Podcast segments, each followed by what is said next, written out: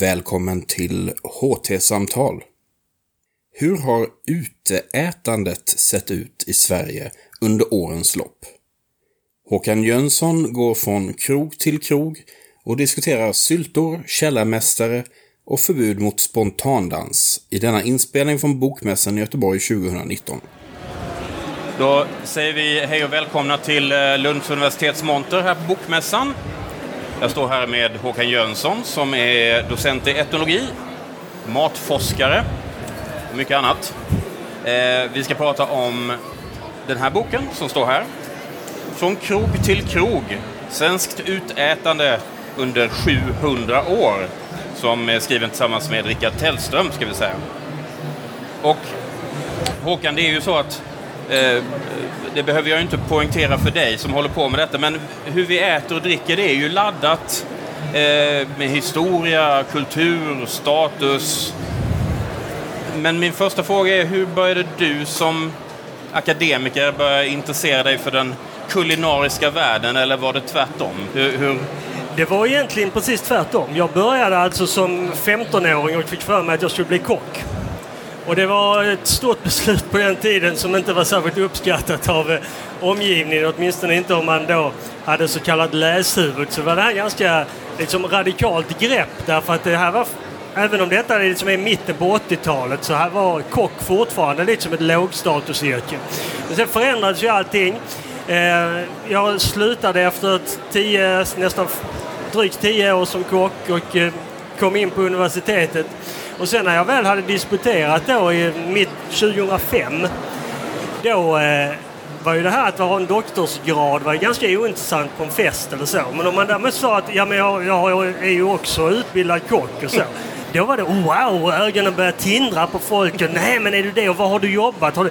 Oh, ja, men det är ju bra ställen. Och, så, oh, och då, alla började berätta om hur mycket mat de lagade själv och det var mycket avancerade saker.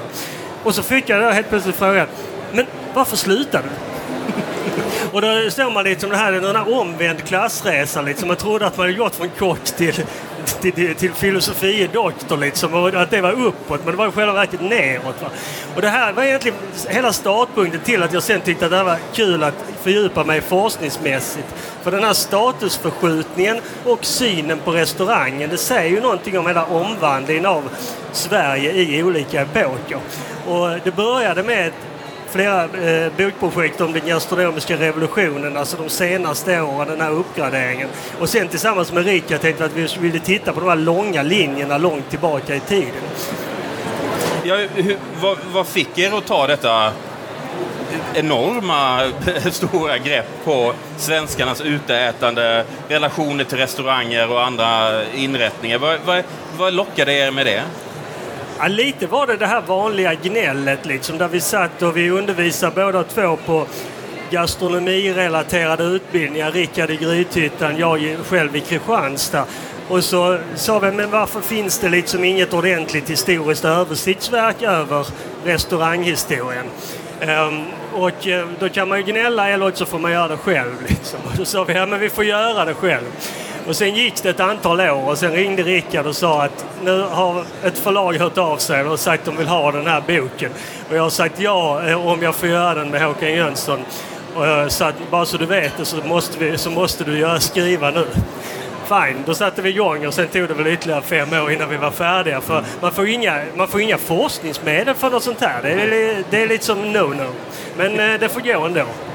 Men då, då måste det funnits ett, ett, ett, stort behov. Det fanns en stor lucka då i, i historieskrivningen som ni kände att det här, här har vi ett uppdrag. Absolut. Och det är faktiskt väldigt lite beforskat. Jag fick ju då börja lite som att göra lite research och så tittade jag vad som fanns på Lunds universitet. Jag gick ner på vårt fina fakultetsbibliotek då för jag hade noterat att det fanns ett, ett antal verk, inte så många, va, om eh, restaurangforskning. Och de stod på samma hylla. Jag tror den hette 303. Det var en liten hylla och den hade beteckningen Samhällsproblem övriga och det var liksom, tänkte jag, ja, där har vi det. För det var precis så som restaurangen har behandlat liksom i svensk politik och historia. Det var liksom ett samhällsproblem och dess följder som behövde regleras. Det har varit intresset för restaurangen. Och på något sätt hade det liksom inte, som det är, forskningen ligger ju alltid tio år efter samhället i övrigt. Alltså, det kommer antagligen en uppsjö av böcker snart om restauranghistoria. Men ännu så länge så är detta en av, en av de få som är skriven av forskare i alla fall. Eh, undertiteln är ju då Svenskt eh, uteätande under 700 år. Varför just 700 år? Ja, det är ganska enkelt egentligen där, eh, därför att det första belägg som man kan se för uteätande som en transaktion. Det kommer från Alsnö stadga då 1279-1280. Nu är det lite mer än 700 år. Vi kunde sagt 38, men, men strunt i det. Därför, att, därför börjar man för första gången reglera det här med ersättning för mat och dryck. Och den artikeln då om gästning, den är tio gånger längre än alla andra i det här, liksom ett av de absolut första dokumenten kring lagstiftning. Eh, så att man behövde, insåg att man i en framväxande nationalstat behövde reglera det här med när kungen, riddare, biskopar kom till en gård på kvällen.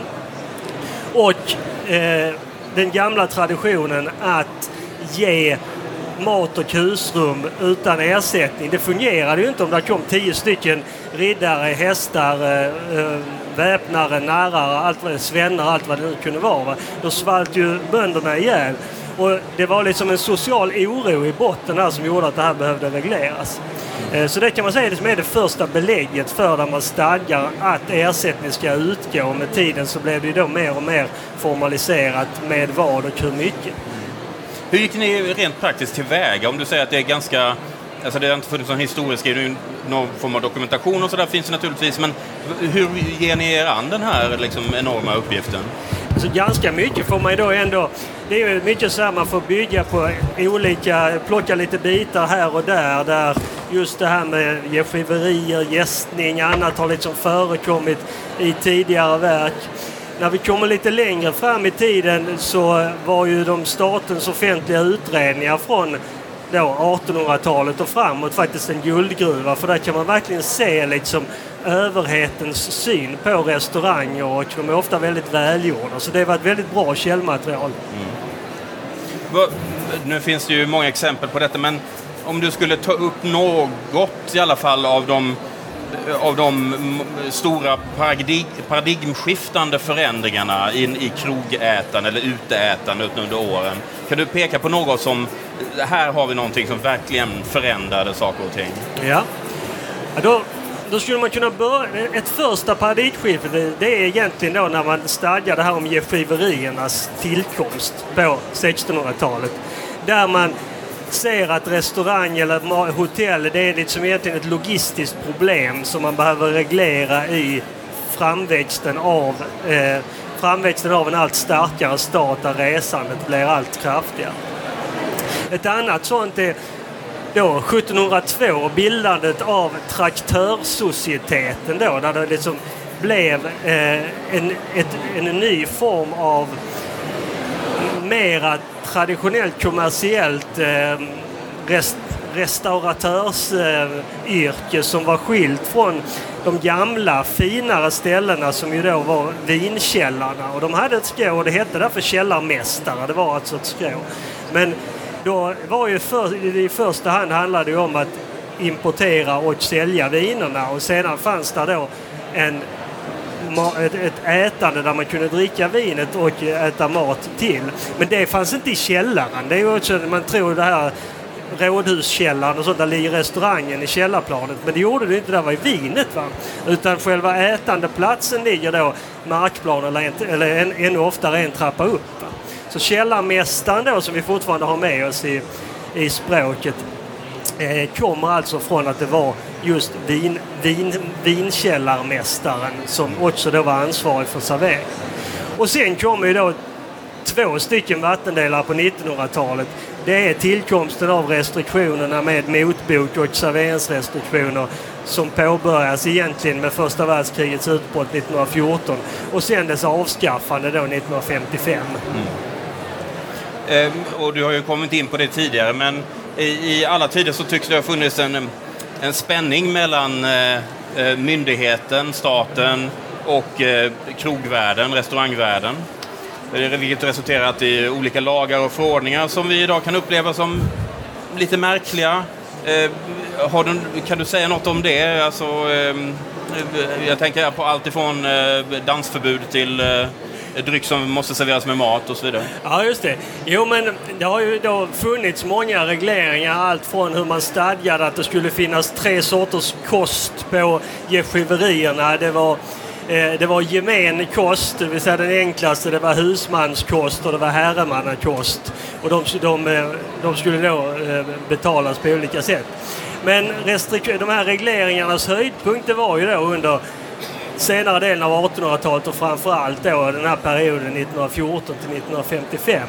Och där var ju allt från varietéförbud, du fick inte, du fick inte servera alkohol i, i samband med eh, revy, sång och dansnummer. Speciellt eh, kvinnlig sång var eh, särskilt eh, då skapade oordningar. Det handlar väldigt mycket om det här reglera oordningar. Eh, och där finns ju till och med, eh, det är så märkligt så att det finns ju till och med kvar lite av det här. Va? Det finns fortfarande i svensk lag än idag en skyldighet för serveringspersonal att ingripa om spontandans uppstår. Detta då under förutsättning att stället inte har danstillstånd, men det måste man ha. Så en eh, restaurang i Malmö fick ju då eh, hot om indraget tillstånd därför att de hade haft ett coverband som spelade på en after work och eh, publiken började röra sig i takt med musiken. Men eh, de hade inget danstillstånd. Det var ju, var ju det var, och det var långt in eh, då. Man hade ju den stora dansutredningen mitt under brinnande krig. 1943. Man tillsätter en snabbutredning. Det är krig runt om i världen, men vad sysslar svenska politiken med? Att utreda huruvida man måste återgå till mer restriktiv syn på dans och framförallt alkoholförtäring i relation till dans. Nu blev det inget förbud, men Wigforss han var ju inte dum, så han såg till att det blev en särskild punktskatt på dans.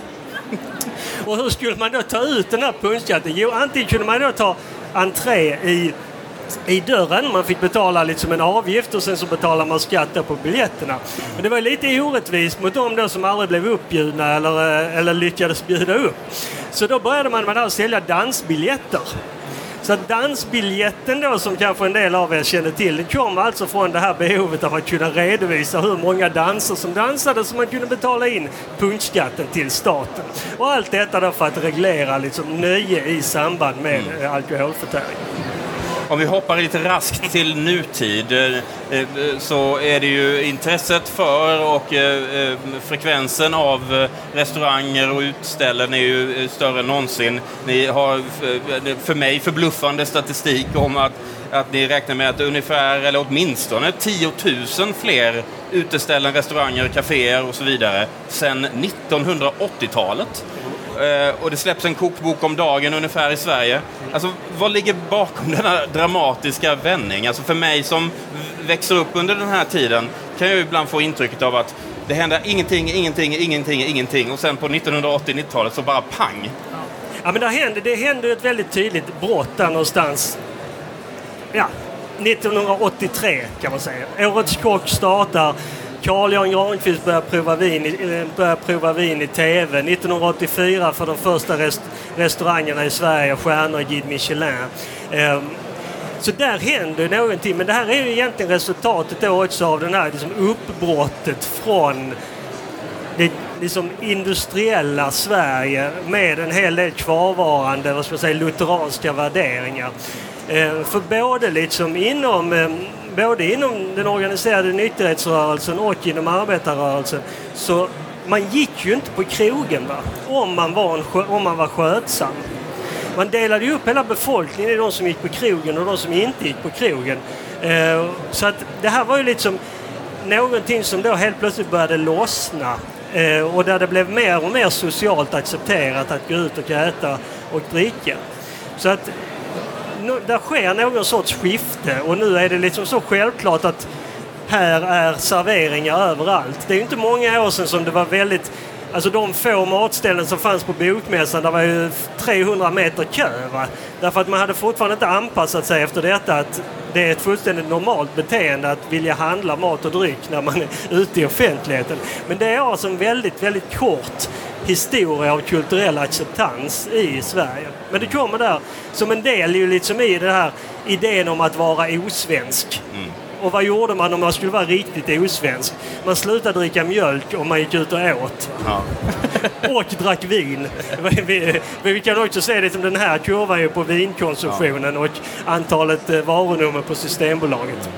Jag har en sista fråga nu innan vi slutar.